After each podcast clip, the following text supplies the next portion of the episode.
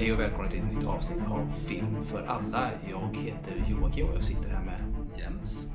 Och eh, denna veckan så ska vi ju följa upp eh, vår, eh, vår uppgift vi hade. Nämligen genom att se filmen Blues Brothers. Yes. Eh, men innan vi gör det så ska vi bara lite Eh, som vanligtvis säger jag kort, men det brukar ta lite längre tid ändå. Men eh, vi kommer i alla fall att eh, prata lite nyheter och ja, vad som hänt sen sist.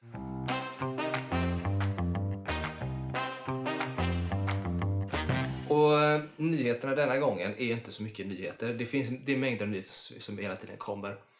Eh, och jag tänker att det är en nyhet som kanske är den största av de här nyheterna. För vi kommer prata om tre stycken trailers vi sett. Eh, och jag skulle säga att den största nyheten här är den trailern som dök upp på en film som jag inte hade en aning om att den ens skulle komma. Nej, inte jag. Eh, vilket är mycket märkligt eftersom filmens tema, filmens regissör och filmens eh, protagonist, alltså skådespelaren som spelar, är eh, bara sånt man gillar. Så man borde ha ju vetat om den här. Den Ja, har alltså inte stått någonstans på någon lista eh, över filmer man ser fram emot som kommer i år och så vidare. Och den här tror jag släpps nu i september, eh, har jag för mig. Så den ligger hyfsat långt fram. Men det släpptes alltså en trailer på denna nu då. och Därav att det blir både en trailer och en nyhet. Mm. Eh, och filmen är då, vi kan säga vilka som spelar i den. Vem är det som spelar i huvudrollen? Ja, David Washington va? Precis, Denzels son. Den son ja. och, sen, och sen har vi regissören. Gareth Edwards va? Ja. Eh, som man kanske känner från både då eh, Star Wars Rogue One eh, Godzilla. och Godzilla framförallt då kanske. Eh, och även en film som heter eh, som han gjorde, en av de första Monsters, kan den heta så? Ja, jag tror det. Jag tror det. Den är svinbra också ska jag säga. Det var en av de första jag såg med honom som jag blev eh, glad för. Den är bra i alla fall. Eh, och sen är ju själva temat på filmen, det handlar ju helt enkelt om Alltså man kan säga att det är lite som Terminator. Ja, Alltså det är människor mot AI eller robotar på något sätt då, men jag tror inte att det är riktigt lika eh, tydligt kanske gott mot ont på något sätt i det, utan det finns någonting Mm. mer i det. Eh, jag tänker att eh, ja, vi, kan, vi kan komma till det kanske, men vad tyckte du? Men- För den här trailern dök upp från ingenstans. filmen heter ju The Creator. Ja, det är bra att säga. Eh, nej, men alltså, jag har något så svagt, svagt, svagt minne av att jag läste för typ några år sedan så att, att Gareth hade på gång en sci-fi, så här, nästa sci-fi film han höll på med. Ja, men det har jag också hört. Och men var inte att det, det måste om det här. det här. Ja, fast jag hade jag har inte hört det mer än så, jag har bara hört det. Ja, jag har för mig att det var någonting helt annat. Då. Eh, men eh, alltså jag, det som jag tycker Gareth gör bra, eh, så, som han visade i både Godzilla och i Rogue One, det är att han är en sån regissör som är jävligt duktig på stor skala. Att liksom göra saker som är, känns stort. Eh, och det tyckte jag kändes i den här trailern. Eh, direkt liksom. Det känns episkt på något sätt. Jag tror fan till och med att det hade med det i trailern att de hade så här i slutet så här, eh, typ See the epic event eller sånt här. Eller, eh, Ja, det är nog Enjoy the roligt. epic event, Ja, nej, men det, så är det nog. Eh, men jag tyckte den verkade, alltså den har ju bara saker som du sa som är saker man gillar liksom. Regissörer som man gillar, teman som man gillar, eh, skådisen är ju bra. Ja, skådisarna, det är Ja, fler det är än, än John ja. David då. Jag tror att det var inte Ben Kingsley också, tyckte inte jag såg att honom han var med. Det kanske inte var. eh, sen var det han som jag alltid glömmer bort, Ken Watanabe. Ja, Ken Watanabe var med. Jag tyckte jag såg någon sån här, ja, det var, fast det var nog inte Ben Kingsley, skitsamma. Men Ken Watanabe var ju med också. Ja. Mm. Eh, och sådär, så det är bra. Sen måste jag också tillägga då när jag såg den, för att det är en av mina favoritfilmfotografer eh, som gör det, Greg Fraser. Mm. Även känd från bland annat Dune. Eh, eh, så att Det är ju passande. det är ju en bra filmfotograf. Jag älskar Greg Fraser. Han är, to- är mina toppnamn eh, där uppe tillsammans med typ Roger Deakins och sådär. Eh, och Hoyte. Det är typ, jag tror att det är, det är nästan mina topp tre. Det finns ytterligare någon kanske, men de är fantastiska.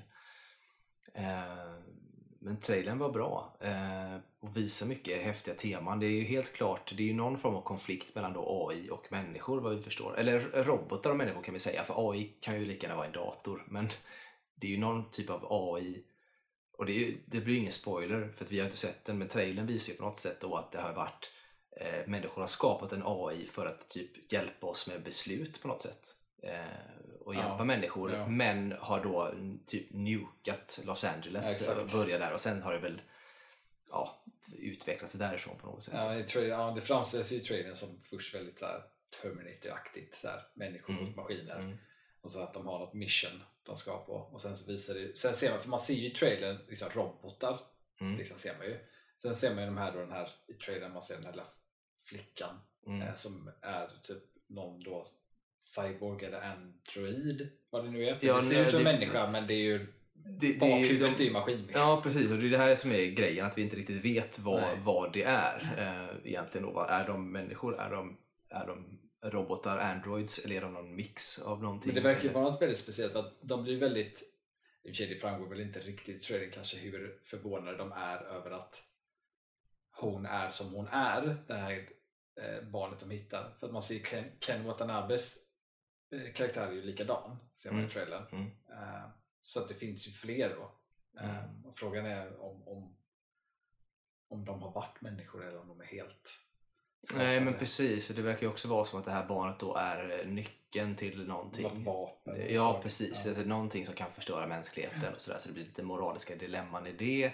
Och sen det följer ju det här spåret som blivit så populärt de senaste åren med, med vuxna som barnpassar. Eh, alltså Ja. sådär, eh, som blivit populärt inom film Ja. och serier nu att det, det ska vara en vuxen som på något sätt, är Mandalorian har ju det till exempel. Och har väl till viss del det Stranger Things-aktigt också, att det finns liksom lite mer vuxna som vaktar barn, eh, liksom följer dem på resan. Och det började ju redan med den här eh, med, är det Viggo Mortensen som spelar den The Road? Vad heter den? Nej, Ja, jo, The Road. The Road eh, som började Ja. det är rätt länge sedan. Sen gjorde ju eh, Martin Freeman en liknande variant som utspelar sig i typ australiska öknen tror jag. Eh, också har en liksom barn han då följer och ska rädda på något sätt. Sen är det typ hela senaste fasen i Marvel har också varit så här handlat om, om en vuxen ska ta Ja, Thor eh, som Love and Thunder, likadant. Alltså, så det, det är ju väldigt populärt Ja, väldigt med den typen av eh, liksom, story. Där det, liksom, och det, det är ju var det säger egentligen om samhället. Ja, det undrar jag med. Det är väldigt, väldigt spännande. Men det, det är också tacksamt i och med att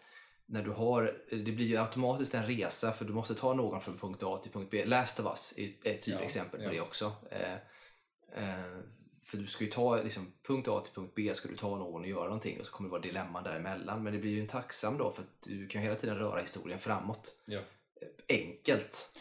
Eh, så det är ju bra. Men frågan är hur länge kan man mjölka det här med att man, Ja. man har ett barn man ska hjälpa eh, någonstans då. Så här. Men, eh, så. Och det är ju ja, det är egentligen likadant. Avatar var ju så sist också. Tvåan har ju också Ja. mycket med ungdomar att göra som Ja. ska hjälpas. Och så, här. Ja. så att det är mycket med det där. Mycket nästa generation. Ja, och jag undrar om det är lite grann, det finns säkert kopplat till andra saker, men det har lite att göra med att jag tror att man idag kanske vill ha, dels att det handlar mycket om, om, om continuity och att man bygger universum eh, till viss del. Vilket gör att man vill inte bara byta ut skådisar, typ så här, man vill inte byta ut Thor hur som helst Mm. eller sådär, utan då vill man eh, att Thor, när han försvinner, då försvinner han Mm. och så går det i pension och då följer den här andra med efteråt. Alltså, Ja.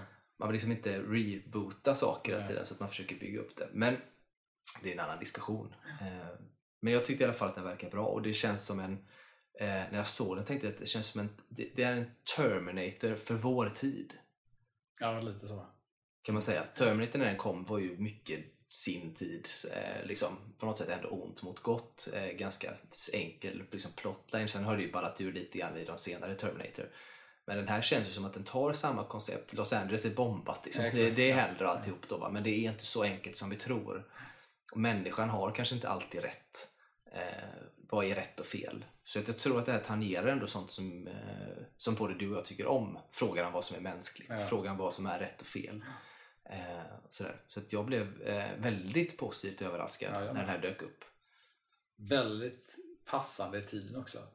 Med ett så starkt AI-tema i filmen och så är vi där vi är i AI nu liksom. Ja, jag tycker att det var det är väldigt, väldigt passande eh, faktiskt. Och sen får vi väl se om den spär på då att man vill ja, liksom, avbryta all AI-forskning exakt, eller om den ja. eh, hjälper någonting. Vi får väl se. Eh, kan det ju så. Får vi se hur det kan se ut när ChatGPT får self, blir self-aware. Exakt. Eh, så. Har vi något mer vi behöver säga om den här? Mer än att jag ser fram emot den väldigt mycket nu. Eh, nej, jag tycker bara att titeln är intressant. The Creator.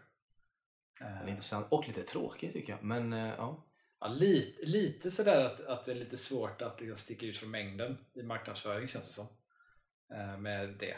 Men eh, det känns liksom på något sätt utifrån trailern så är det liksom The Creator kan liksom innebära flera olika steg där. Den är liksom bred och allmän så den blir, liksom, den blir liksom lite svår. eh, På det sättet. Att det kan liksom vara vad som helst. Mm. Det, jag kan ju ibland uppskatta lite titlar som känns mer jag vet inte, antingen mer enigmatiska eller mer konkreta. Så att The Creator den känns lite så här, den känns nästan lite B-aktig, som att det är en B-film. Den skulle kunna heta The Creator. Men det spelar ingen roll. Jag tror att den kommer vara bra och jag hoppas Alltså det finns ju två förhoppningar jag har. Eller på ett. Jag hoppas ett, att det är en standalone film att det inte görs mer. Det är liksom den absolut främsta jag egentligen önskar att det är. Ja. Bara en film. Men grejen är att vi vet ju allihop att går den bra så kommer det göras uppföljare. Ja. Eh, men jag hoppas ju inte det. Jag vill ju ha bara en bra story som är klar. Och jag tror att Gareth Edwards är likadan egentligen. Att han gör den så. Eh, men vi får se, Mm. som sagt. Det är det jag hoppas. Eh, att det blir så. Eh, så vi får väl se. Det andra är att man också till klart hoppas, är den så jäkla bra att man känner att oj, det här är ett helt universum som byggs upp. Det är som att man skulle se Star Wars och tänka att ah, men det är bra standalone film men Mm. det finns ju potential. Men är det så att det verkligen finns så mycket potential i det så hoppas jag ju att man kan göra någonting mer av det.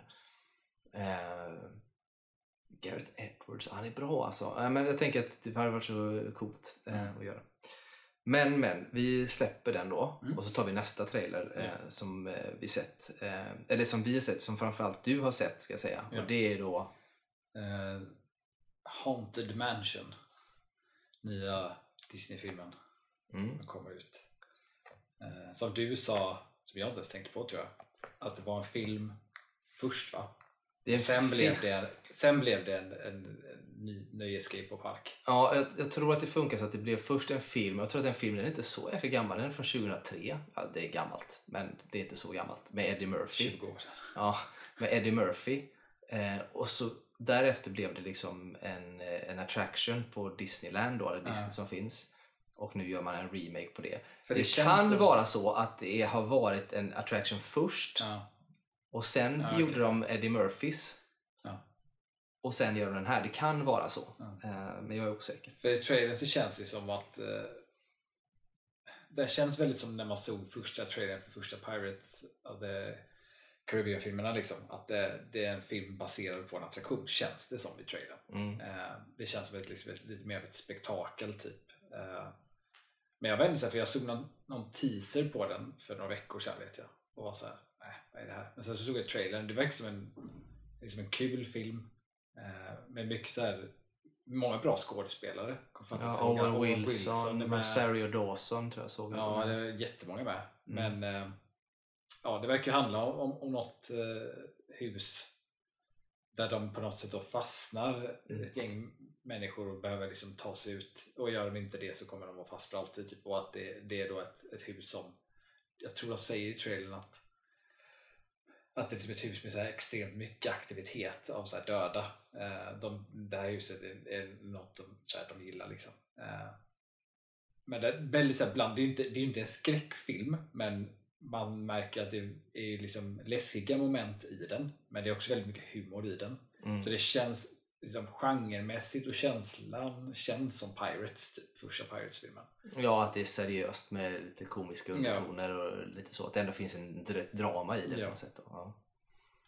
Så den, men det tror jag, den eh, tror jag kan bli rolig att se. Vem är det som regisserar? Vet du det? Det vet jag inte. Nej, för det jag tänker med när, när jag hör om, för jag har inte sett trailern själv, jag tänkte jag ska göra det eh, sen. Eh, eh, för det jag hör lite grann att det Piracy gör, jag tänker att det kan ju bli väldigt underhållande hela filmen. Det tror jag. Eh, för jag tycker att om någonting man kan säga, om man kan tycka om eh, liksom kvaliteten och eh, narrativet egentligen i alla Pirates-filmer kan man tycka lite olika om. Men man, man kan aldrig gå ifrån att de i alla fall har ett visst underhållningsvärde allihopa. Eh, sen mer eller mindre såklart, men de är ändå liksom på något sätt ändå sevärda och eh, ganska kul och det finns någonting eh, att ta med sig varje gång man har sett en sån. Ehm, och är det då samma gäng som gör detta så eh, tror jag nog att det kan bli rätt, eh, rätt bra. Och det är som sagt mycket bra skådisar med. Regissören är Justin Simien. Eh, Känner jag igen. Han har inte gjort så mycket, men han har gjort någonting. Det enda jag känner igen från vad han har gjort är den här serien som jag inte har sett. Den Ja, här det. Dear White People. Just det, för det gör för mig att det är en sån här inhouse-regissör typ. Alltså, eller inhouse kan jag han säga. har inte gjort jättemycket. Nej, men jag tror att det är en sån här, för jag tror att de har några såna här up and coming regissörer. De har ju några såna hos sig nu i Disney som gör saker. Eh, det är ju som eh, den här, eh, det är väl den här nya Star Wars som handlar om Ray va? Mm. Som ska göras. Som också görs av en relativt okänd regissör som har Mm. gjort lite smågrejer innan och sånt. Så de har- tar ju in lite sån här och jag tror att det är positivt och negativt. Eh, negativt för att det kanske är inte så mycket, alltså de är kanske inte så mycket autörer liksom på det sättet. Att de gör liksom sin egen prägel på det utan de kanske låter sig mer vara styrda av, av en studio kanske. Att man ska få ihop det. Eh, Det är ju folk som jobbat med serier där man är mycket mer har en showrunner som bestämmer mer än regissören i sig kanske. Så att de kanske har det på det Ja. sättet. Jag vet inte hur Disney tänker. Vet, Marvel har ju varit rätt duktiga på att ta in eh, regissörer som har in, inte att de nödvändigtvis har en visuell stil men att de har ett, ett, ett, liksom ett, en berättarstil. Ja, men jag tror att det har krånglat lite. Det har ju krånglat lite för Marvel. Så jag tror att Disney vill göra kanske lite en annan väg. Fram, samtidigt så är det ju deras egna, när det är deras egna saker som typ Haunted Mansion så kanske de vill ha sin prägel på ett annat sätt och bryr sig mindre om att få ett toppnamn-regissör. Så.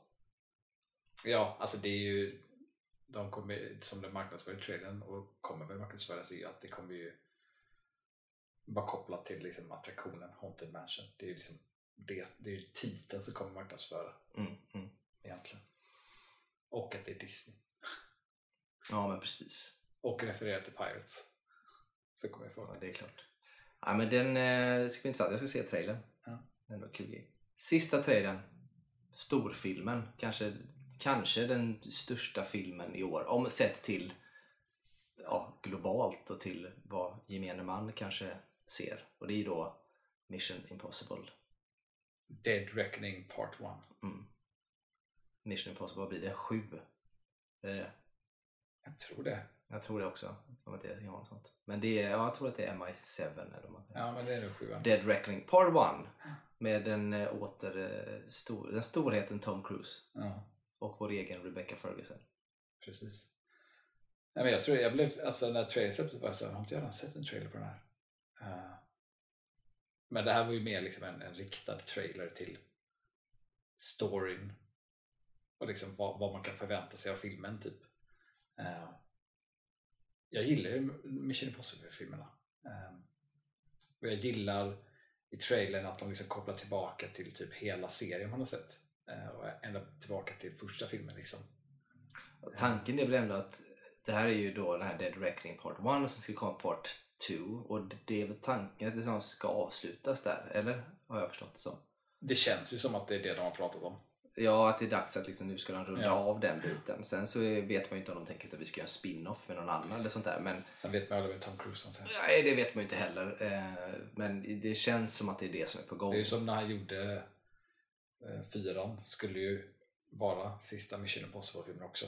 Mm, Eh, sen slog den svinstort och så var det bara, nej, vi gör fler. mm.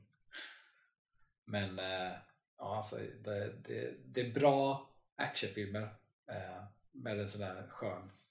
Det är på något, de har ju på något sätt blivit typ en egen genre. Eh, de här Mission Impossible-filmerna. Att det är en Mission Impossible-film, det är inte bara en actionfilm. Nej, på, på, på samma sätt som Bourne-filmerna Ja. blev en egen genre. Alltså Bourne-film är ju en Bourne-film. Mm. Det finns liksom ingen, inget annat. Eh, egentligen. Jag, dock så läste jag, det var ju en... Jag tror att han är, om han är manusförfattare eller om han bara är författare som har skrivit, han har liksom skrivit Bondböcker Mhm. tror jag, alltså efter Fleming, alltså Mm. sådär, att han skrivit dem. Och han sa att det finns bara, han, han pratade om att han tycker att det senaste Bond inte var bra. Inte, för, inte så, han tyckte inte att det var en bra Bondfilm. Just för att de här sakerna med att vet, Bond dör, är på ett visst sätt och så vidare. Att, att man har nyanserat Bond så mycket, det tycker han ju är ett kast egentligen då. För att han tycker att då tappar man kärnan i vad som ska vara Bond. Eh, och jag kan absolut förstå och köpa den kritiken. Samtidigt kan man ju inte frångå att jag tycker att Daniel Craigs Bond har varit skitbra. Jag tycker fortfarande det är tråkigt att han så att säga dör, men det, det är liksom, jag köper det avslutet. Men han tyckte inte det. Han menar att det finns egentligen bara en, alltså det, det, det är typ Mission Impossible-filmerna idag är, är Bond-filmer, typ. Menar han. Ja, alltså de är ju... Ja, men det är de ju. Alltså det finns ju vissa sådana filmer som är liksom följer på något sätt en Bond-formula. Liksom. Mm. Um, men samtidigt tycker jag ändå att, att alltså, jag fattar, han menar väl kanske mer då att han tycker att det är så Bond-filmer ska vara. Jag tycker att Bond-filmer och Mission Impossible-filmer, jag tycker de skiljer sig väldigt. Jag, jag ser inte Mission Impossible som Bond-filmer. Uh, Nej, det gör ju inte jag heller, men jag förstår vad han menar. För att om man, tittar, om man jämför de två, Daniel Craigs Bond, man kan ju prata hur mycket man vill om det, men Daniel Craigs Bond får ju ganska mycket och det är ju tack vare Daniel Craig och, och såklart så mycket, men hans Bond får ju väldigt mycket eh, till skillnad från annars, mycket djup Mm. och mycket sår och, en, och en, en skörhet på ett annat sätt som man inte sett i Bond innan. Eh, och man märker av de här såren och framförallt sista så kommer ju allting tillbaka rätt rejält för honom och det märks av de här bitarna. Va? Och så jämför med Mission Impossible som han har också varit med om massa hemska saker för att lämna sin fru, att folk som dött och så vidare. Men det är fortfarande bara gå vidare och det är fortfarande bara action. Man fort, alltså, så på det sättet så är det, den är ju ytligare. Vilket Bond historiskt sett har varit. mm. Jag tror att det är det han menar och är ute efter att Bond ska vara. Ja. Samtidigt så kan jag ju också älskar att man gör en, en, en liksom tolkning av Bond som är djupare. Som, som visar en, en skörhet och en viss del svaghet och sådär. För att vi lever i en värld idag och det handlar ju framförallt om biopublik. Jag tror att det är så svårt för biopublik att bara köpa saker hur som helst. För att, jag tänk, tittar man på en film som Bond och ser allting han är med om. Eh, och framförallt när man gör, gör det som sist nu, att det ska vara mer verklighets, liksom, troget på något sätt också. I, i Mm. att det är inte bara det är inte för mycket gadgets Nej, och det är inte för mycket så här humor och han måste vara lite mer vältränad kanske och sådär för att det ska vara troligt att han faktiskt är en liksom, gammal soldat och agent och så vidare. Men trots det så är han med om ganska hemska saker och skulle, och skulle det då inte påverka en människa eh, det, det är svårt för många att köpa det idag. Någonting måste han ju få med sig av det. Och det finns inte riktigt lika mycket i typ Mission Impossible i alla fall. Eh, så. Men eh, fast jag tycker ändå att man ser lite grann i trailern nu för The Reckoning att det finns ju ändå lite saker som han har svårt för. Eh, som har liksom gått tillbaka med eh, relationer kanske och sånt. Men eh, Ja, det framgår i trailern där. Det är ju mycket i trailern det här med att, vilket jag tycker det- framgår i filmen också, det här att fan är det han heter Ethan Hunt. Hunt. Eh, att, att han bryr sig ju mer, alltså i början så var det väldigt mycket så här liksom uppdraget nummer ett i, i liksom tidigare filmerna. Eh, men det har liksom förvandlats till någonting att, att de han bryr sig om är nummer ett. Liksom. Och det tycker jag de tryckte på ännu mer i den senaste trailern. Att liksom eh, de har ju någon sån replik när han säger, han, han säger först deras liv, hans, hans grupp, de närmsta då, deras liv betyder mer än hans eget. Och så säger han, eh, som jag aldrig kommer ihåg vad han heter, han eh, mörka eh, bästa vännen han har. Ja, jag kommer inte ihåg vad han heter. Men... Eh, Han har ju coolt riktigt namn. Den skådisen. Eh, Men han säger typ så här, uppdraget måste gå före allas. Och så säger han, jag accepterar inte det. Eh, Så det, det på något sätt känns som att det, det liksom omfamnar temat över Part 1 och förmodligen då Part 2 och den här Dead Reckoning. Kan jag Mm. tänka mig. Så kan det vara. Det har ju gått... Eh, Ving Rhames heter ju han skådisen som spelar Luther. Luther. Eh, där i. Eh, nej, men jag, håller, jag håller väl med i det. Jag tycker ju då att det har gått från det. Alltså det har ju verkligen varit så här från att det varit när, när de började göras, vilket då är vi nästan, då är vi nästan nere på 90-tal. Eller det är vi kanske. Det är vi, 90, Ja. ja. det, vad är det, 97, 98? Ja, Första, någonstans där. Ja, men... 96 kanske till och med. Ja, kanske. Men då är det i alla fall de här som görs och då är det ju verkligen liksom, han gör ett uppdrag och det är uppdrag som är det viktiga. Klassiska från Mission Impossible-serien som gick Mm. förut när man var liten och sådär. Eh, till att det sen blir då Eh, helt plötsligt så, och det är fortfarande det, sen så blir helt plötsligt eh, hotet internt istället. Vilket också svänger i tiden på något sätt. Man börjar misstro myndigheter och allt det här och så blir det på något sätt att man blir den allmänt goda.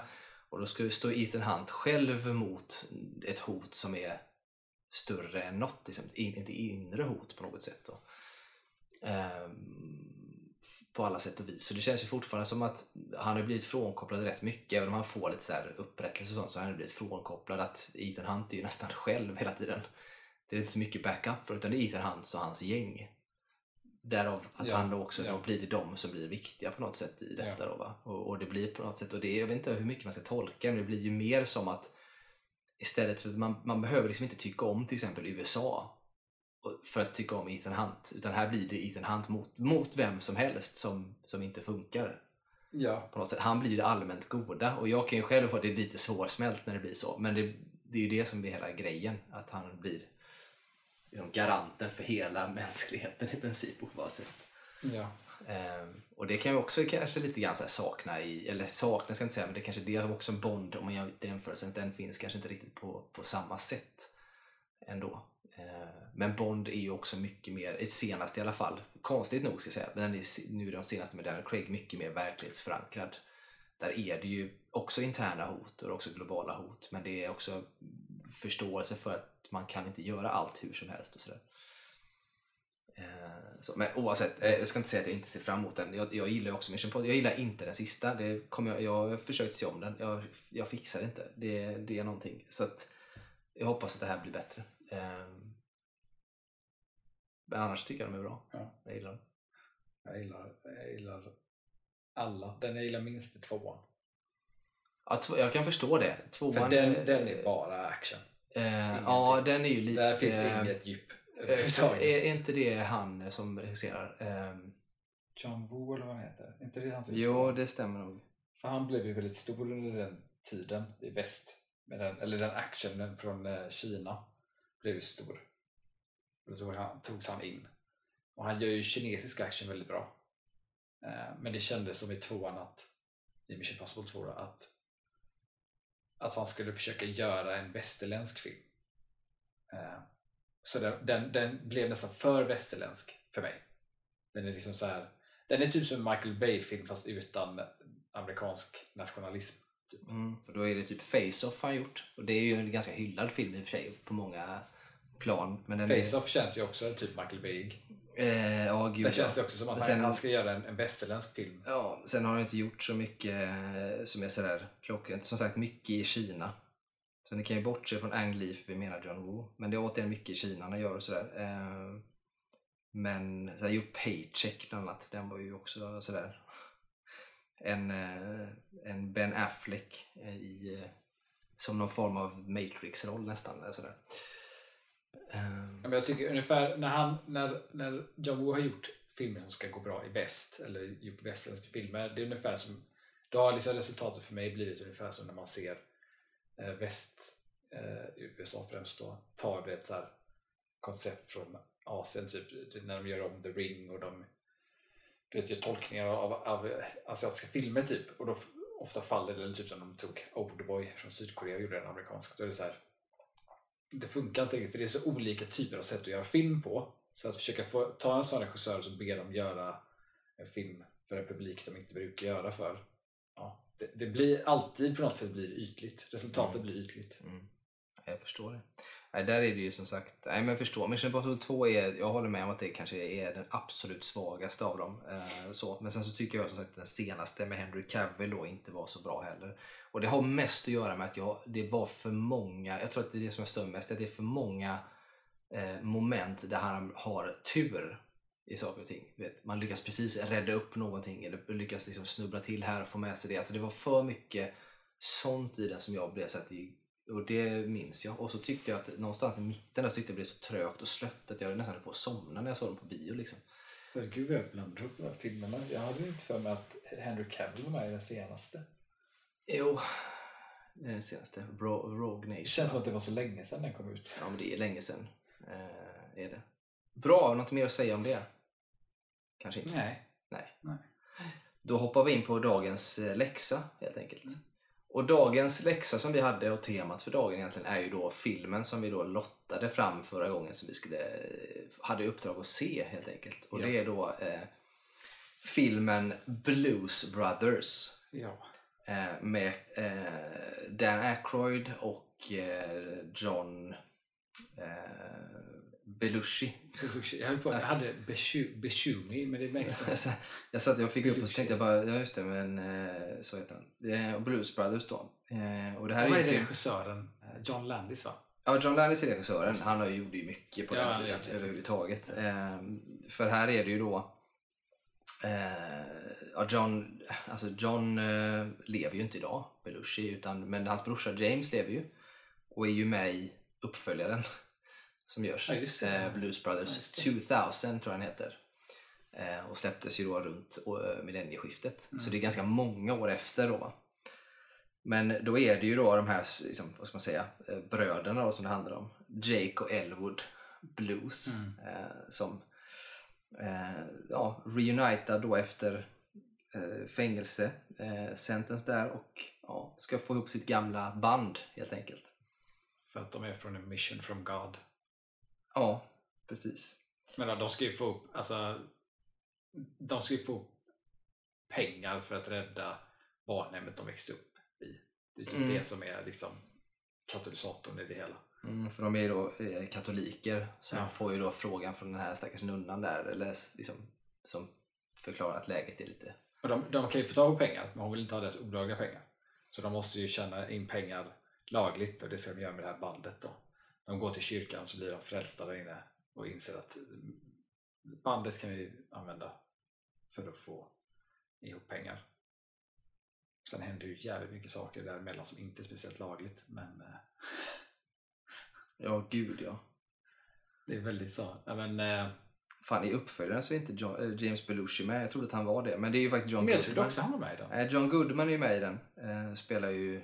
Det är ju de två som blir Jag vet, men Dan för-. Men jag har också för mig att James Jag såg på IMDB så för mig att jag såg en bild på fyra stycken och en av dem var han. Ja, jag har för mig att, att han är med också någonstans. Men jag ser faktiskt inte att han är Nej, det. Men ja. han kanske dyker upp ändå. Men hur som helst, vi ska inte prata om den. Nej. För den här den är liksom runt år, alltså, år 2000 ungefär. Blues Brothers, den första som vi pratar om nu, den är gjord 1980. Ja. Det är ju långt innan. eh, kan man säga. Men du har, jag har ju sett den innan för länge sedan. Så såg jag den nu igen så lite grann då. I, I två omgångar fick jag dock se den för jag hann inte med. Men det är ju lite intressant. Vad säger du? Vad tycker du om filmen? Om vi börjar, om vi börjar med sett till eh, jämförelsevis med film idag. Hur, hur tänker du då? Alltså för, först och främst så, alltså John Landis, regissören, tycker jag om eh, väldigt mycket i allmänhet. Alltså hans, hans typ av Eh, stil, hans sätt att han gör, gör film på. Eh, det är ju väldigt mycket så här 80-tal känsla över hans sätt att göra film på. Det som var populärt på 80-talet liksom. Eh, men den stora skillnaden på liksom film från 80-talet och filmer idag, det är ju främst, vilket man också märker, det är ju tempo. Tempo i filmen och att nu är ju det här en komedi också så att man ska ju inte, det är inte riktigt att jämföra det med man får jämföra det med dagens komedier också eh, men det, det är ju det är ju väldigt ytligt eh, filmen är ju, är ju bara yta egentligen eh, och det handlar ju bara om att så här det känns som en väldigt lång på något sätt Saturday Night Live sketch från 80-talet. Alltså det som man vill få in så många moment som möjligt som ska liksom vara roliga. Eh, samtidigt som att det, det känns inte som att den filmen riktigt hittar sig själv tycker jag. Eh, jag tyckte inte att den var den var inte så intressant eh, att titta på. Den var liksom lite för spretig och lite för för alltså humormomenten i den när det väl var lite mer så här sketchigt eh, tyckte jag var rätt kul. Det var de här bitarna i- emellan som var så här, ja, vet jag inte riktigt vart, vart man hade. Och det hade man, det är många delar i den som är så här, hade det gjorts idag hade det inte varit med. Jag tog den filmen, var typ som två och en halv timme lång. Mm. Eh, och en komedifilm idag är max en och en halv, typ 1.40 om man har liksom tur tid. Ja, ja. Eh, det, det är vissa, vissa lite större komedier som kan vara upp mot två timmar men det är inte så ofta. Men det känns väldigt mycket Nej, som och de en... eh, komedierna som görs då är ju ofta komedier som också är, har någon form av drama i sig om de gör så lite längre. Den här har ju väldigt mycket, vad ska man säga, ta sig från olika punkt A till punkt B och mycket luft emellan själva storyn också kan man säga. Ja, och sen är den ju typ det också, vilket jag inte visste att det var, det är, det är ju liksom en- halvt en musikal också. Mm. Eh, så att de delarna, liksom musikalbitarna, är ju, är ju rätt långa. Eh, och eftersom att, jag vet inte, jag tror, jag tror att det är att också att, att blues lånar sig inte väl till att använda som musikalnummer i en film. På något sätt. Att ha det i varje musikalnummer. För varje musikalgrej är ju blues. Liksom. Eh, och att det blir liksom lite för långt varje gång och känns lite mer, vilket John Landis, han, han är ju en regissör som som på något sätt är rätt, ska säga, han är ändå rätt, rätt mycket av en autör. Alltså han har sitt sätt att göra det på. Gud. Eh, och det märks i den här filmen bara det känns inte riktigt som att det är en film eh, eller när jag såg det kändes det kändes inte riktigt som att det var hans film. Vilket jag sen förstod för när jag läste om filmen efteråt så var det ju Dan Aykroyds typ eh, Ja, det är ju hans kärleksbarn Ja, kan man exakt. säga. Det, eller han och Johns, men det är framförallt Ja, för att Dan. jag läste att Dan Aykroyd hade skrivit typ vilket också förklarar så mycket. Han hade ju skrivit storyn som var så här och att han hade så här skämtsamt laminerat in den i så här yellow pages för att den var så extremt lång. Och att den var inte skriven som ett manus utan den var så här väldigt löst skriven. Det fanns ingen liksom ingen treaktstruktur eller någonting utan bara Nej, utan mer sketcharter med olika sketcher som man då, och det märks Och när det man märks, ser den. ja. För att det är, så här, det är mer eh, att man försöker eh, binda ihop olika typer av sketchmoment i Ja. en film. Jag håller helt med. Ja. Eh, och jag tycker liksom att eh, ja, alltså det, det var den ja, den var för spretig för mig. Jag tyckte att den var, den var svår att ta sig igenom faktiskt. Jag tyckte inte att den var så rolig heller. Eh, Om du tänker dig då att du skulle, om vi tänker så att du eller så här, om du hade älskat blues, hade den blivit bättre då? ja, men jag, jag tror att, för det, det var någonting jag tänkte på när jag såg den. Det var ju väldigt mycket så här, eh, cameos med Mm. från artister. James Som Brown är jag, med. vissa känner jag igen, Ja. men det är vissa som jag inte direkt så här är ja, det där vet jag vem det är. Utan jag kollar upp det sen och jag bara, den personen var ju också en känd. Typ som hela bandet var ju kända bluesartister. Mm. Ingen aning om vilka de är. Nej. Och jag kan tänka mig, är man, är man bluesälskare så sitter man ju typ njuter av det, kan jag tänka mig. Mm. Eh, men sen läste jag också, alltså jag, jag, jag är förvånad över att den ändå är eller att den blev en sån succé. Men jag läste ju också att den var ju inte en succé i USA. Den blev en succé när den hade eh, gått ut eh, runt om i världen Mm. i efterhand. Um, och det, det kan jag se. För att även, till och med om man jämför med 80-talskomedier och man jämför med John Landis komedier på den tiden så känns det som en, eh, på något sätt en film som inte är det bästa han har gjort. Liksom. Um, Nej, och på många sätt så känns den, om man ska prata om det, och därför kan jag kan inte backa upp det med så mycket, men känslan är nästan mer europeisk 80-talsfilm men det tror jag är, amerikansk. Ja, och det är för att det är, det är, det är mindre struktur. Alltså det är mindre den här klassiska treaktstrukturen eh, från punkt A till punkt B. Nej, som är så tydlig i USA, speciellt på 80-talet. Ja. Och i Europa är, är berättandet mer löst ofta eh, och inte så tydligt. Därför tror jag att det kan låna sig väldigt väl till en europeisk publik. Mm. Speciellt på Det- 80-talet. För det är lite grann så att jag, jag, när jag ser den så här, nu det, finns det ju inte jättemycket paralleller till så sätt, men rent strukturmässigt och känslan i den, inte för att någonting annat skulle stämma, men om man tittar på gamla Gösta Ekman-filmer, så här Morrhår och ärtor eller Mannen som skulle sluta röka eller som slutade röka till exempel, de är ju, den känns ju mer, mer lik det på något sätt än de andra då. Va? Men om man ska ta några exempel då på vad John Landis har gjort för alla som förstår, bland annat den här ombytta roller med eh, Dan Aykroyd och eh, Eddie Murphy. Mm. Där de byter eh, liksom plats med varandra, en rik och en fattig. Eh, har han gjort. Eh, som Så en, bra film. ja, den är, den är ju, Den är ju den är ju bra och den är rolig. Liksom. Eh, Jamie Lee Curtis också, ung, var ju med i den. Eh, Spioner är vi allihopa. Mm. Också en, eh, en klassiker, Dan Aykroyd och eh, eh, Chevy Chase eh, i den. Eh, Tre Amigos, Mm. Steve Martin och, och gänget där. Eh, en prins i New York, Mm. Eddie Murphy-klassikern.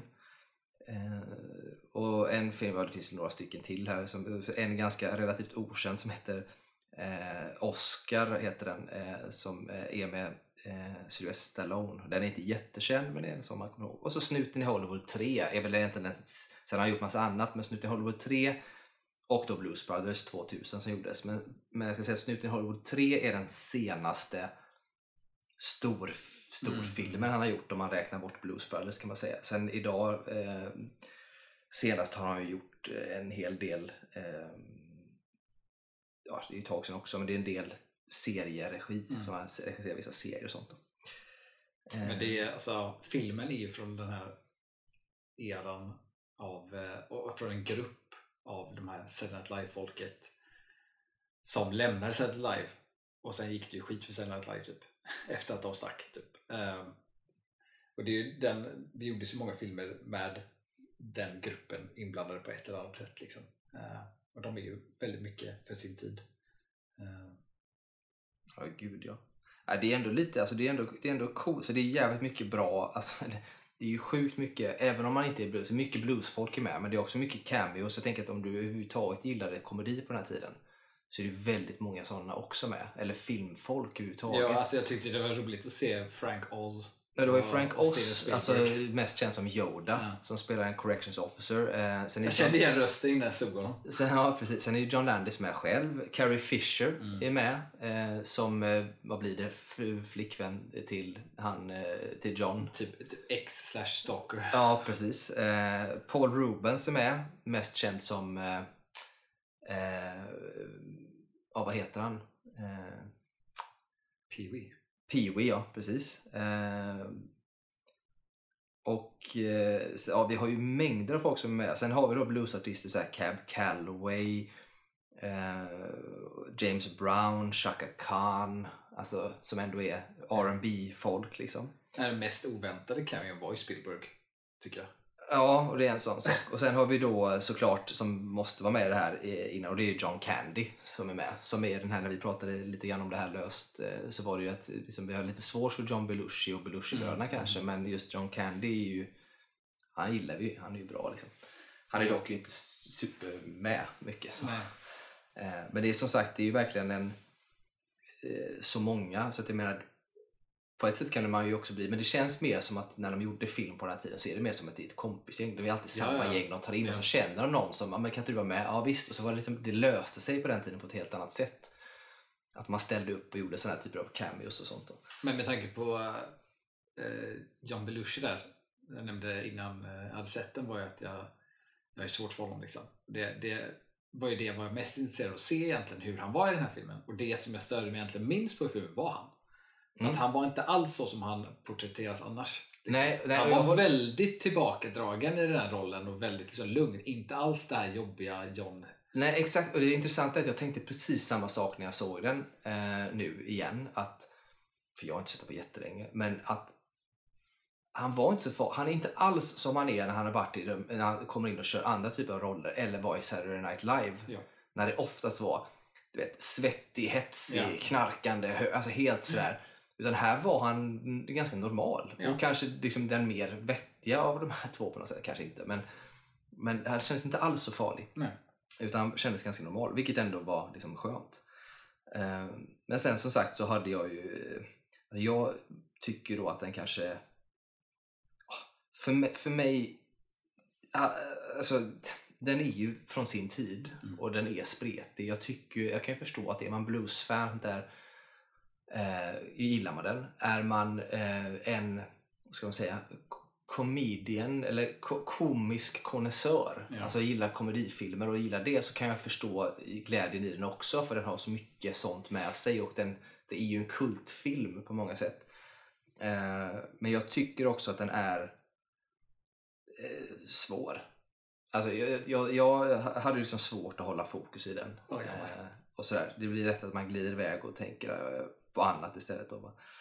Eh, Hade det inte varit för att vi hade satt så att vi skulle se den och prata om den så hade jag inte sett klart på den tror jag. nej, nej, men precis. Eh, så hade det nog varit för mig också. Vilket är kul, det är därför det är roligt att Ja. man, må- man måste, måste se det. Så att Ja. säga. För det eh, hade jag nog inte fixat heller. Sen finns det ju vissa moment som är lite intressant att det ändå finns idag. För hade, man, hade vi tittat på, om vi startade den här podden och tittat på den för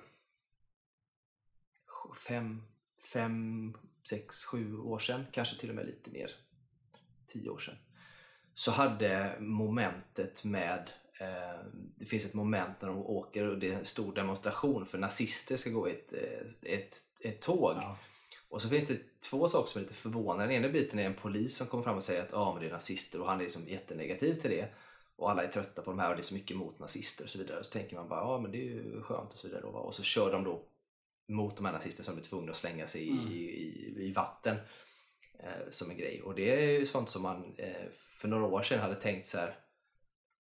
Ja, ja, fan vad sjukt. Eller så här, att de bara dök upp där. I, idag däremot så är det så här, nästan lite verklighetstroget i och med Ja, att nazister på det sättet Ja. finns och blivit mycket mer liksom så här, Mer närvarande. Ja, men på Ja. något sätt så där då, att det är så. Och då, då känns det som att det finns ändå saker som ändå återkommit i, i det eh, så att säga, hotet. Och det ju- tänker man också att det är rätt sjukt att det, är liksom, det är 80 och så är det liksom nu då 2023 vilket är ja, snart 50 år senare så är det fortfarande samma jävla Ja. skit som kommer tillbaka då. Eh, så att det var lite, lite roligt, eh, eller roligt, lite intressant att se. Sen tycker jag att fi- filmen, alltså jag var, jag, alltså jag var så förvånad över den i så många delar och mycket förklarades jag läste om filmen i efterhand. Men liksom när jag tittade på den så var det dels så, det känns ju väldigt lågbudget. Eh, Mm. Det är, som, det är som alla musikalgrejer till exempel. Alltså det, det känns liksom inte som att de har haft tid att planera det, det ordentligt. Eh, typ den jag tänkte på mest var nog den här Aretha Franklin eh, inne på det där Diner när de sjunger. Mm. Där går liksom de bara, alltså hon står typ bara där och sjunger och folk rör sig lite i bakgrunden. Liksom ingen liksom direkt koreografi alls. Um, och att, att från, från nummer till nummer så skiftar ljudet. Uh, liksom kvaliteten i inspelningen. Eh, som också känns så här lågbudget, att de, de har inte haft tid och de har fått göra det de har kunnat. typ. Sen samtidigt så är det typ, alltså jag blev helt jävla chockerad över hur mycket liksom, bilar de pajade i den här filmen. Och blev så här, hur fan hade de råd att liksom köpa in så mycket bilar och krascha dem? Ja, det Vilket jag, var helt- Det vet jag var skriverier redan om då. Vil- vilket typ. är helt jävla sjukt. Liksom, jag blev så här, hur, hur, hur har den här budgeten gått ihop? Men sen så var jag inne och läste och det förklarar så mycket liksom också så här gänget liksom att, att det var verkligen så att, att de, de körde ju på. Det var den här tiden också i Hollywood och liksom det fanns ännu mindre regler kring liksom arbetssätt och sånt där. För där var det verkligen så här, de, de bara nöta på och liksom jobbade tills det var klart. Och inte, och alltså, jag kan tänka mig att många gick ju säkert in i väggen efter den filmen där och, och behövde ta det lugnt. Men där var det ju som jag vet att, eh, vilket var lite, det är ju hemskt men det är också komiskt det här med att eh, hela teamet, speciellt då John, men hela teamet har ju sagt att eh, kokain var ju det som fick filmen att gå runt. Att liksom de, de använder det för att få upp energin och orka med grejer liksom. Och att Ja. kokain var inskrivet i budget till och med. Det var budgeterat för kokain. Ja, och det, säger, och det, och det, ska, vi säga, det ska man ju också säga att det är inte ovanligt i, i den här tiden. Nej, nej. Och framförallt detta gänget ska man Ja, säga. speciellt det gänget, ja. För det är ju de här liksom John Candy, Dan Aykroyd, hela det gäng som höll på rätt mycket. Saturday Night Live-folket. Ja. Det var mycket kokain, det flödade på alla ska jag säga. Men det var rätt välkänt här. Men det finns, det är mycket saker. De har ju haft eh, på den tiden så var det ju världsrekord i att de hade, det är 103 bilar som man förstör. Det är fan sjukt alltså. Det är rätt mycket alltså. Eh, och sen var det finns ju massa intressanta saker kring det här som är intressanta också med att eh, John Belushi eh, kallades ju för han fick ju nicknamet The Black Hole för att han alltid tappade bort sina solglasögon. Ja, jag läste också det. Eh, och det tyckte jag var lite roligt. Han gjorde en scen och sen så tappade han bort dem så fick han ta och skaffa till då. Det tyckte jag också var väldigt roligt. En sak som jag läste som jag tyckte var roligt var ju att, eh, att han hade tendens att försvinna. Eh, och att han försvann en gång och att Dan Aykroyd hade så här mitt i natten och för att gå ut och leta efter honom så hade han sett liksom ett hus som hade liksom ljus igång. Han hade ju gått dit och knackat på och så visade det sig att eh, John hade liksom brutit sig in där typ. Mm. Men att han hade då liksom blivit eh, han hade bett om typ någon macka eller någonting så han hade liksom fått stanna där då med de här husägarna. Och de hade bara öppnat och bara letat efter John. Och Ja, precis. Bara, Och det här är också sån här och då hade han fått nicknamet USAs house guest eller sånt där. Ja, men precis. Och det här är sådana här sjuka saker. För hade det hänt, i, alltså, hade det varit idag. Ja, Det, dels hade man blivit cancellad, han Ja, det- såklart. Och så vidare. Men en hus, alltså någon som hade kommit hade ju inte gjort så. Idag hade han blivit ihjälskjuten. ja exakt. Han hade blivit skjuten direkt. Liksom. Ja. Det, här är, det är ju katastrof. Liksom. Det är mycket intressant. Det, här, det finns ju mycket intressant om det här. Just, det finns mycket på den här tiden överhuvudtaget kring de här produktionerna som är intressant. Det är också det här med just Steven Spielberg och John Landis. Som de, det var ju lite konkurrens mellan dem fast de var också vänner. Så de har ju liksom cameoat i varandras filmer. Men Steven Spielberg har ju, sa ju upp bekantskapen eller vänskapen med John Landis efter eh, John Landis gjorde den här Twilight, eh, Twilight Zone-filmen. Mhm. När de hade den här fatal Ja, ja, ja. helikopterolyckan. Och det var ju då, tyckte ju Spielberg, eh, ja, köpte, han blev ju acquitted och blev, slapp ju. Men han, Spielberg tyckte väl inte att det var rätt ändå. Eh, Och det säger lite eh, den tiden, alltså också i den alltså safety gay var inte riktigt vad de borde ha varit. Nej, gud nej. 80-talet, Liksom. Nej, gud nej. Eh, Sen är jag, jag, är ändå, alltså jag är så förvånad över Alltså jag är förvånad att, att Spielberg var med i den filmen. Jag vet ju att de liksom har haft eh, känt varandra och har liksom va- varit eh, delat värld så att säga. Men det känns ju också så här alltid när man läst om, om Spielberg i referens till andra regissörer eh, och i så här regissörsgäng och sånt så har alltid Spielberg framstått som liksom eh, så här the clean cut guy. Alltså typ så här, det är som om man då tar Coppola och Lucas och Scorsese och alla de, Mm. det gänget. Där, var det ju, där har ju också folk refererat till att många av dem liksom, eh, körde ju liksom kokain och alkohol och allting sånt där. Men att alla påpekar att Spielberg liksom inte var intresserad av det. Nej, det var han nog inte. Eh, och, att, liksom, och att han inte var, ville vara det. Och då tänker jag också på den här filmen som är den absolut sämsta Spielberg-filmen som jag har sett. Och det är den här eh, 1944 tror jag den heter. Mm, mm. Som han, men den känns också som också, den känns väldigt John Landis. Eh, och jag skulle inte vara förvånad heller om han är involverad på något sätt i den. Men där är också John Belushi med och jag avskyr han i den här filmen. Den är svindålig. Men där vet du, det är verkligen så här, den kraschar ju totalt den här filmen. Eh, och det kan ju varit liksom en samband av hela röran också kring så här John Landis, Spielberg, Twilight Zone 1944. Ja, hela, att Spielberg bara kände typ att jag behöver nog koppla, koppla ifrån mig lite grann. Så kan det säkert vara. Eh, ja, nej men det var verkligen så. Eh, hemska saker. Sen när vi pratar just om de här, eh, just de här musikalnumren där till exempel. Eh, så är det ju då, om man, om man läser lite grann om det, så just det här med att de här som är performar, det kan vara allt från James Brown till Aretha Franklin. Så här, många av de här som var med var inte vana vid lip-syncing. Eh, och sådär då. Eh, som var standard för musikaler på den tiden. Eh, vilket innebär att James Brown då, han eh, eh, körde ju sin eh, låt live fast med, re- alltså med, med en recording i bakgrunden. När han körde då för att det skulle vara bra. Eh, och sen har vi ju eh, John Lee Hooker med och hans eh, var ju, det gjordes live. Eh, och sen Aretha Franklins performance som vi pratade om som lite, kanske är lite, lite stolpig och konstig.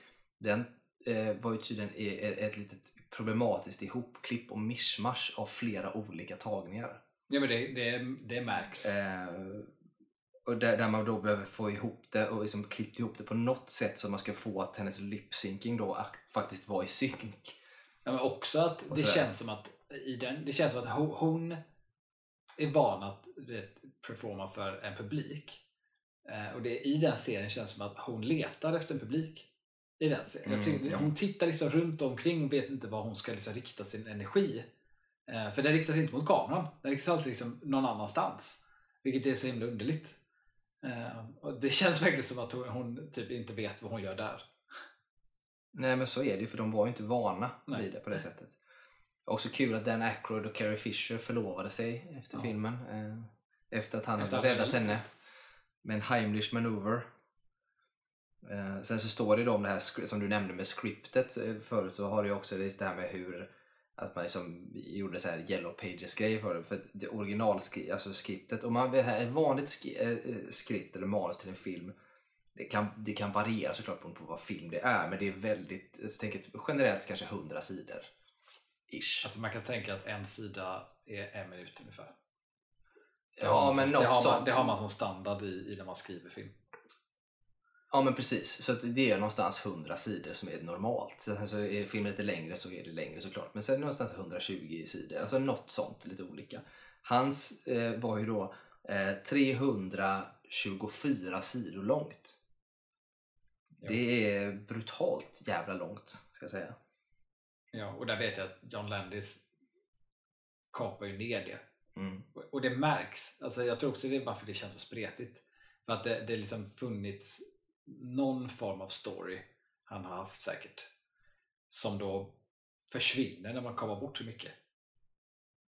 Alltså filmen är ju typ två och en halv timme. Ta bort alla mus- musikalnummer. För det står ju inte inskrivet i manuset då. Så det kommer inte räknas med som en minut i vilket fall. Så tar man bort alla musikalnummer så kanske man är nere på en film som är typ runt två timmar lång. Det skulle vara cirka 200 sidor ungefär. Och så var det liksom, och det att det var 300, nej 400 någonting sidor. Mm. Ja, det är liksom ha- halva, mer än halva är borttaget liksom. Så det är inte, det är inte konstigt att filmen blev vad den blev. Liksom. Det är också intressant, det finns ju fler cameos. Paul Schaefer, om du kommer ihåg vem det är. jag inte ens att han var med. Nej, han är ju inte med. Nej. För Paul Schaefer, för alla som inte känner igen det, så David Letterman hade ju sin Letterman show som var förut och där var ju Paul Schaefer liksom husbandsvärlden liksom, världen, eller Skallig snubbe med solglasögon. precis som alltid stod och körde och han skulle varit med och vara en av the original cast till det här. Ja. Men samtidigt så spelade han in en film som heter Gildas Love vilket gjorde att John Belushi sparkade honom för att han tyckte att han var disloyal. Okej. Eh, och det här är någonting som kom fram i Paul Schaefers memoarer då. Men det är också så här Han hade jag ju känt igen i alla fall. Ja, men precis. Men det här känns ju också lite grann som att eh, eh, lite typiskt, kan säga.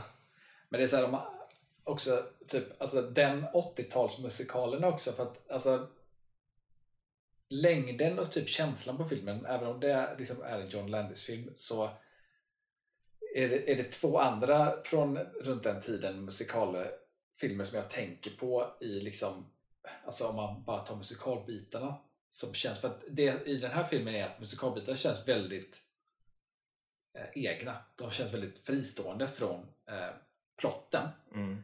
Eh, och det eh, finns två andra filmer. En är Rocky Horror Picture Show.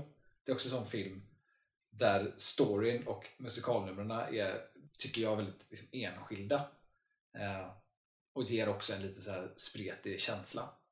Eh, och sen den andra filmen är eh, eh, Little Shop of Horrors, musikalversionen. Mm. Där är också så att den är, den är också, om jag minns relativt lång, känns lite spretig. Den gillar jag väldigt mycket dock. Eh, gillar Rock Horror. Ja, det håller med. Det, Eh. det är lite annat där. Men, men samma typ av så här 80-tals musikalspretighet tycker jag alla tre har på något sätt. Mm.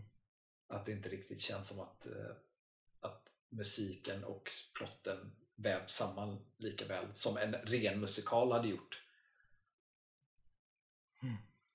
Ja, det finns ju mycket, mycket att säga om det. Det som jag tycker också är lite intressant angående John Belushi, bara för att återigen peka på hans problematik, som jag tror inte hjälper, det är att precis när de skulle börja spela in filmen så har han trillat ner för trappor så, på verkligen vänster och skadat ryggen så pass att han får gå på ganska sm- kraftiga smärtstillande, vilket är kanske därför han är lugn i filmen. Exakt, ja. Men han har ju sagt att kokainet hjälpte ju han också. Ja, eh, det är klart att det gör. Men, så att han har ju den biten och sen inför sista scenen i filmen så har han gått och liksom, eh, lånat någon så här unges skateboard försökt åka på och, och landat på marken och skadat knät så pass illa att de försökte få in en ortoped från någonstans och kunde hjälpa honom.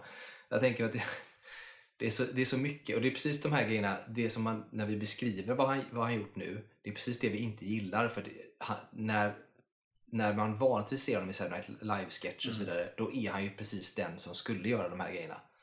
Ja. Liksom bara Det spontant. är väldigt bara mycket sån han crazy. antagligen var i privatliv. Liksom. Ja, och bara tar alla de här och liksom Ja. gör såna Ja. saker. Ja, en skateboard eller vet, byter sig in Ja. där eller ner för en trappa och håller på sådär. Liksom. Han levde hårt får vi säga. Ja. Det var eh, brutalt alltså. Det intressanta som är kul också, kommer du ihåg när vi pratade om eh, i The Mandalorian eh, Wars, då kopplar vi till det. Hur kom vi in på den här kopplingen? Eh, för där i Mandalorian eh, så har vi ju en av de som spelar i dräkten är ju sonson till John Wayne. Ja, ja. Ja. Och i den här filmen så är det en av stuntförarna som är son till John Wayne. Jaha. Så där finns en koppling till The. Mandalorian och Star Wars även här kan man säga. Och förutom att vi har då Carrie Fisher och vi har eh. Frank Oz och sådär. då. Så att det är ändå lite, lite roligt. Kan man säga. Det var ju en sak eh, i Blues Brothers eh, i, i, mot, alltså det, det är nästan det bästa i hela filmen tycker jag var typ eh, så här sista eh, akten typ, alltså när de ska ta sig från efter de har spelat tills att de ska ta sig och lämna pengarna. För där blir det typ som en, en jaktscen som är väldigt lång. Har väldigt Den är, den är väldigt lång, men där, den tyckte jag om. För att jag tycker bara, hela den akten i sig och hela den sekvensen var väldigt liksom isolerad och, och man köpte den också för att där börjar typ, det inleds nästan med att över polisradion så säger de, vilket jag tyckte var så jävla roligt eh, the use of unnecessary force is uh, authorized. Det tyckte jag var så bra. Sen blir det bara, det blir bara mer och mer. Mm. De kallar ju militär och jag älskar de här. Och då blev det nästan lite Monty Python. Eh, Sen när de så hissar ner sig så hör man hela tiden, hut, hut, hut, hela tiden. Fast de typ inte ens behöver göra det. De hela tiden. Konstant. Och det kändes väldigt Monty Python-aktigt. Liksom. Ja, och det får man ändå säga att det, de, det är ändå en av de roliga sakerna med den här filmen. Och även med, med den typen av, av humor som finns i vissa delar av de här filmerna i just det här med man, eh, och framförallt i Blues det här kritiska till, till myndigheter. Återigen en koppling till alltså det här med Black Lives Matters-grejen med Ja. övervåld och så vidare, alltså Mm. poliser. Det har ju de rätt mycket Ja. här också och det, gör, de- det blir ju roligt och det är, Ja. ty, är så här lite kritiskt mot, och det är sån humor är ju kul, typ Monty Python och sådär. Däremot hade jag en sak. Min favoritscen, jag måste säga att en, det som jag tycker är bäst, eller jag tycker det finns ju vissa moment som är väldigt bra, men jag tycker ju själva scenen, alltså när de ska uppträda, tycker jag är rätt Ja, men den, fin. den, den, är bra. liksom. Den är, det, är, det är nog det enda musikalbiten jag tycker är, Ja, är för där rolig. tycker jag det landar så väl på Ja. sätt att den passar, det är kul att titta Ja. på, det känns, den, den gillar jag. Ja, den är bra. Men i den här slutsekvensen så är det en sak, eller i slutakten, är det en sak som, som fick mig ur det. Eh, fastän att de hade liksom satt upp för att det kommer bara bli liksom överdrivet så tyckte jag att det var en sak som var bara så här. Nu blev det bara konstigt och det var när de jagar de här eh, nazist, nazisterna Mm. och så kör de i full fart. För där har man sett att de har liksom kört upp på ramper tidigare i filmen. Mm. Och att det är ändå så här det, det är rätt bra gjort liksom. Att de, det, det är liksom bra action scen eller man säger. Mm. Oftast i hela filmen har varit det. Snygga stunt liksom. Men där helt plötsligt blev det, och där blev det mer mer åt, eh, vad heter han nu? Eh, regissör. Han har gjort den här Våras för rymden. Jaha, eh, Brooks. Mel Brooks. Mel Brooks. Där blev det lite Mm. Mel Brooksigt eh, på ett dåligt sätt. När de kör ut för en ramp och så liksom flyger liksom bilen rakt upp. Typ. Helt plötsligt från ingenstans. Bara jättehögt upp och sen faller jättelångt ner och faller jättelänge. Och man ser när de filmar det så här, de har ju släppt den från helikopter då liksom. Obviously. Men de har ju kört från en ramp liksom på motorväg. Så högt upp kom de ju inte. Och där blev det så här, det tog mig så ur det. För det var så här, nu blev det väldigt konstigt från ingenstans. Och bara till för att liksom typ så här, haha det här ska vara kul. Och att det känns lite som att de behövde ha med det bara för att de har spenderat pengar här. Att hissa upp en bil i helikopter är inte billigt liksom. Nej. Och det är precis sådana där saker som jag vet att jag såg när jag var yngre och då pratade vi för det är jättelänge sedan jag såg den. Jag var ju säkert eh, alltså vad ska jag säga, yngre tonåren när jag såg den första gången. Och det är ju typ sådana saker som man då tyckte var kul. Ja. Men som idag bara känns inte så kanske jätteklockrent. Eh, så. Sen finns det en sak som jag tänkte på, om man ska dra en, en sista parallell till en annan film som de gör bättre, som också är spretig men de förklarar det på ett annat sätt och som den är rätt lik. Och det är Bill och Teds äventyr. Ja. Som också handlar om att få ihop ett Ja, band och det är ja. musik. Eh, och den spretar ju också men den förklarar det med att de har en time machine och gör det på det sättet istället. Mm. Och också sluta, det ska ju sluta med en konsert och det, alltså de ska ju rädda världen på det sättet. Och det, det finns lite paralleller att dra däremellan de två. Fast Bill och Ted är, tycker jag, mycket bättre. Jag vill inte det är roligt. Eh, och roligare eh, på det sättet. Så att, men det finns vissa saker som känslan blir nästan lite likadan. Ja, jag, tänkte inte, jag, tänkte inte, jag tänkte inte ens på Bill Ted, men när du säger det så kan man se inspiration. Liksom. Ja, för det finns lite saker. Det är som att de ska samla ihop ett gäng, Ja, de ja. åker till de här grejerna, Ja. de ska liksom göra någonting för att rädda världen. De ska rädda sin gamla skola och de andra ska rädda världen. Och, sådär. och det är musik som är i fokus på något Mm. sätt. Då. Det är två personer. Mm. Eh, och sådär. Så jag tycker att det finns lite, jag tyckte att jag fick lite känslan av det. Fast bilden Bill och Ted har ju en bättre dramaturgi. Även om den är spretig så har den en bättre dramaturgi. Eh, Bill och Ted är lite mer glimten i ögat har lite mer av en plott medan Ja. Är mer av, av en samling sketcher som försöker vävas ihop. Precis, så att det finns vissa skillnader i det. Så att, men det, jag tycker ändå att det finns eh, någon form av själslig eh, liksom, släktskap dem emellan på något sätt. Ja. Så är det. Men någonting mer vi ska säga om det här? Det finns ju, sen är den så att den är, den är spretig, den är konstig. Det är ingenting som är särskilt sådär det som, eh, som var även då, som man märker idag, är ju som sagt stunten, hur mycket bilar som går åt och att det är ganska ändå häftiga, bra actionsekvenser än idag. Sett till biljakter framförallt då, man säger. Ja, men det är någonting som jag också tänkte på med, med som är någonting från dels från John Landis men också någonting från eran i 80-talet där i komedifilmer är att jämfört med, eh, i och för sig det är inte bara komedi idag, men jämfört med jämfört med komedier idag så känns det som att det är på något sätt lite mer autörskap i komedier från 80-talet och lite mer på något sätt lite snyggare. Alltså hela inledningen på Blues Brothers tycker jag kändes väldigt eh, genomtänkt och, och presenterades in väldigt väl Mm. eh, och snyggt. Eh, Medan det mer är så här, det, det är väldigt mycket fokus på idag i komedi att bara gå från A till B. Eh, de sämsta filmerna idag i komedi är ju de som är för inramade liksom, i det. Mm. Eh, men här har Bruce Brothers gått helt tvärtom. Men eh, det tycker jag liksom är att eh, på något sätt så känns de här 80-tals komedierna mer filmiska än vad komedier gör, idag gör. Ja, jag håller med dig.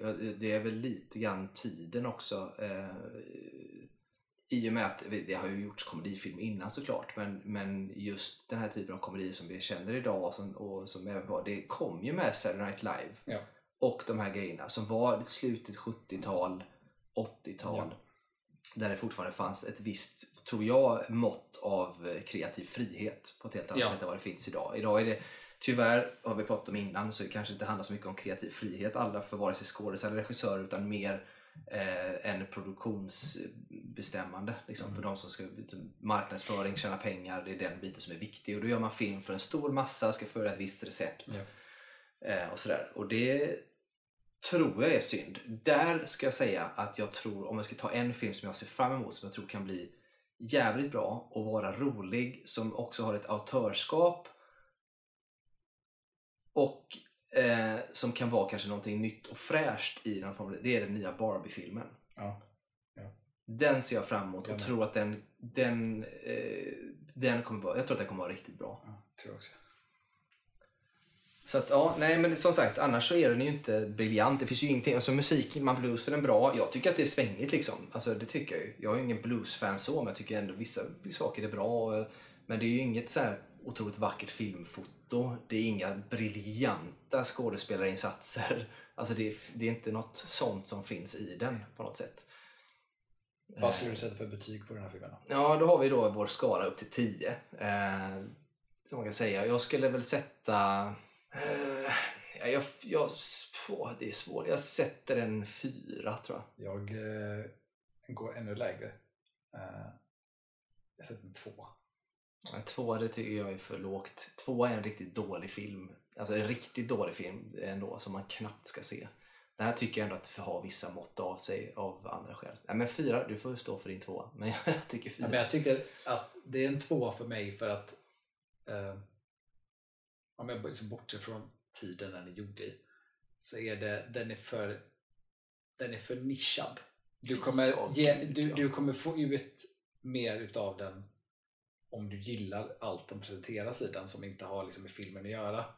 Eh, för det är egentligen, alltså det är typ någon form av så här det är fanservice på ett sätt, alltså den tidens fanservice. Ja, ja, visst det så. Eh, Så det är ju en film som bara är fanservice, så den är nischad. Eh, och jag är, inte in, jag är inte i den nischen, så då blir det en väldigt dålig film för mig. Ja, nej, och så kan det ju absolut vara. Jag försöker tänka lite grann på allmänt. Det är klart jag kan döma det efter min helt egna. Jag försöker tänka mer generellt om man skulle ge ett sånt. Och då tycker jag ändå en fyra för, för alla egentligen. För att det är ju ingen toppfilm. Alltså för att det ligger man över en femma och uppåt så ser jag det alltid som att ja, men då är det en, en relativt bra film. Även om den kanske inte är men då är den liksom värd att se är den lite där under, strax under på en fyra, men då kanske den är värd att se för några som kanske tycker om den. Typ så, så tänkte jag när jag gjorde det. Men hur som helst, spelar ingen roll. Jag tror att det är ungefär samma kontenta liksom, eh, i det. Så att, eh, jag sätter fyra, du sätter en tvåa. Eh, sammanlagt poäng på sex då.